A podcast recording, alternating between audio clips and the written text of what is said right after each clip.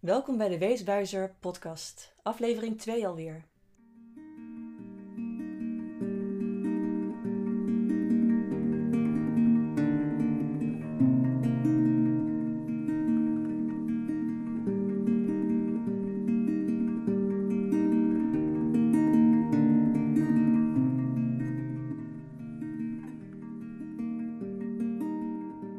Hi, ik ben Janneke van Weeswijzer en ooit stelde ik bij TEDx de vraag: wat zou je je kind willen meegeven als je doodgaat? Als je nog één ding kan zeggen. En ik geloof dat datgene wat je wil meegeven een reason for living is, een reden om te leven. En ik wil het even hebben over de invulling daarvan. Want jij kan dat je nabestaande kind wel gunnen en toewensen, dat mooie wat je nog kan geven. Maar gaat de wereld wel zo tof om met het dierbaarste dat jij in jouw leven had, je kind? We moeten het even ergens over hebben. Jij en ik. Vandaag. Wie je ook bent, of dat je nu een gewone burger bent zoals ik, of dat je bij een woningcorporatie werkt, of bij een zorginstelling, een gemeente, of dat je beslisser bent in de politiek en mag stemmen over zaken die mensen raken, maken of breken. En dan vandaag in het bijzonder over wonen. Over veilig en vertrouwd wonen. Voor wezen. Jongeren die net hun ouders zijn verloren en bij wie de grond onder de voeten wegzakt. En met een beetje pech, wat helaas heel vaak voorkomt, de vloer van een huis ook. Ieder jaar moeten honderden jonge nabestaanden van hoofdhuurders van corporatiewoningen hun huis uit. Binnen enkele maanden nadat hun ouders of hun laatste ouder is overleden. Honderden mensen die hun leven weer op de rit moeten krijgen omdat ze een lot is toegeschoven dat je niemand gunt. En dat hen enorm ontregelt. Je raakt ontworteld, de onvoorwaardelijkheid is voor altijd weg en zal nooit meer van buitenaf komen. En je moet dan gaan ontdekken hoe dat dan van binnenuit nog kan komen, maar wanneer dan? En je hoopt dat je de gelegenheid krijgt om te rouwen, om zaken te regelen waarvoor je eigenlijk nooit had willen nadenken. En om de balans op te maken. Waar gaat je leven naartoe? Wat is er over van je dromen? Wat kun je nog en wat moet je achterlaten? Het is een rauwe rouwtijd, waarin een veilige kokon zo ongelooflijk belangrijk is om de gelegenheid te krijgen om te helen in een vertrouwde omgeving. Ja, jij had die brief ook kunnen krijgen van een woningcorporatie. Dat je niet de hoofdhuurder bent van het huis waar je geboren en getogen bent. En dat je je kamertje en je spullen maar moet pakken. Dat je je spullen moet inpakken of wegdoen. Omdat jij niet meer welkom bent in dat huis. Dat huis waar je alles hebt ervaren. Verjaardagen, getroost worden, ruzie maken, leren, familierituelen met dierbaren die er nu net niet meer zijn. Die nog rondhangen in je hart, want dat is alles wat je nog hebt. Sporen van liefde waarin je nog even wentelt. Maar snel zal dat huis niet meer van jou zijn, want andere mensen mogen daar dan in. En jij, ja, zie maar. Ach, dat klinkt toch zo raar. Dit kan toch niet in Nederland? Ja, dit gebeurt wel in Nederland en het gebeurt dus honderden keren per jaar. We zien sommige van die situaties in krantenartikelen. Sammy Joe bijvoorbeeld.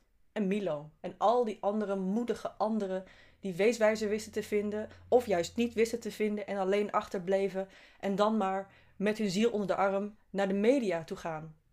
Stel je voor, je bent Marie. Je bent net dood en je hebt geboft en je mocht naar de hemel en kijkt naar beneden naar wat je hebt achtergelaten.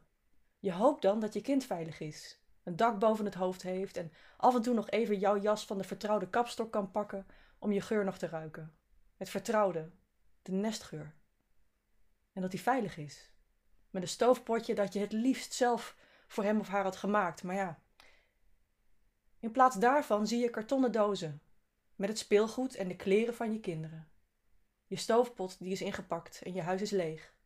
En je kind moest weg, omdat jij doodging. En mensen die er echt voor zouden kunnen zorgen dat je kind veilig woont, wijzen weer naar andere mensen vrienden van overleden ouders, die zijn er toch wel. Of uh, overgebleven familieleden, een oom of tante. Maar als die je nou niet willen, dat gebeurt helaas vaak. Ik weet het, het is een uh, taboe, maar ik zeg het maar zoals het vaak toch is. Want voor wegkijken, daar heb ik geen tijd voor en er is ook geen ruimte voor. Er zijn ook Maries die nog leven en die weten dat ze binnenkort komen te overlijden. En leven met het wrange weten dat zij hun kind of hun kinderen achtergelaten en nu al hun kind zien worstelen met het voor elkaar krijgen van zaken. Het idiote is dat dit probleem verbluffend eenvoudige oplossingen heeft. Het eveneens idiote is dat er niet echt vaak bereidheid bestaat bij organisaties om er iets aan te doen.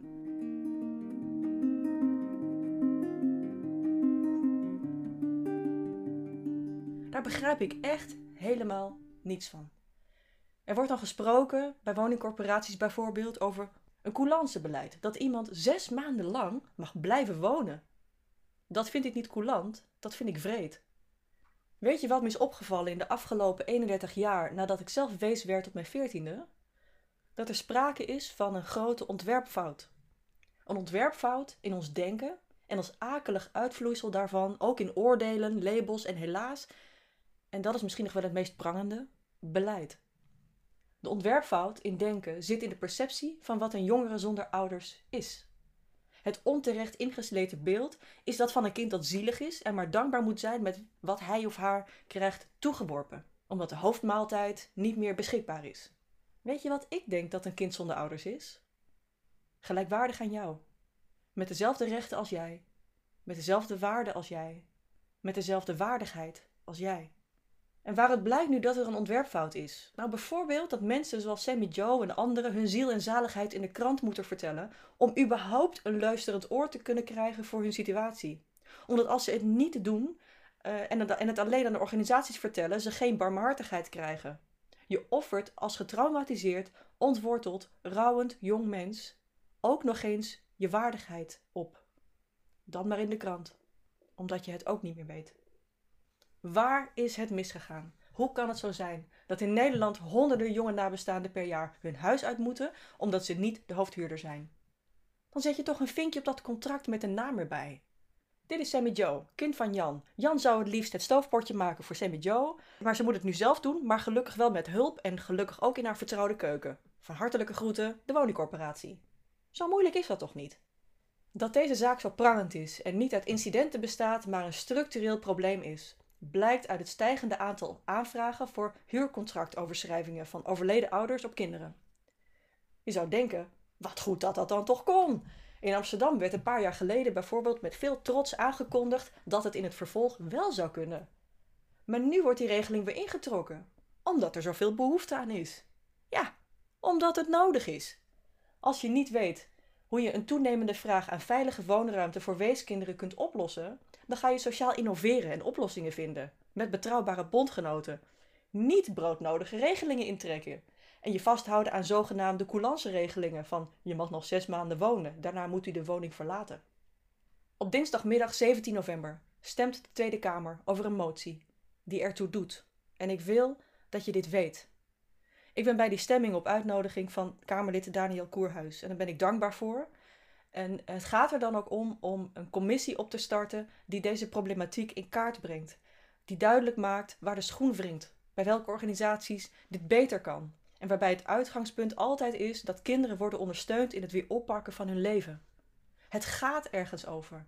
Laten we hopen dat er barmhartig, maar vooral rechtvaardig wordt gestemd. Voor alle ontwortelde, rouwende jongeren die vechten voor een huis en voor een beter leven. Het had jou ook kunnen overkomen. Ik hoop dat je dinsdag duimt voor een goede uitkomst. En mocht je in de positie zitten om erover te stemmen, stem wijs en vanuit je hart. Bedankt voor het luisteren en tot de volgende keer.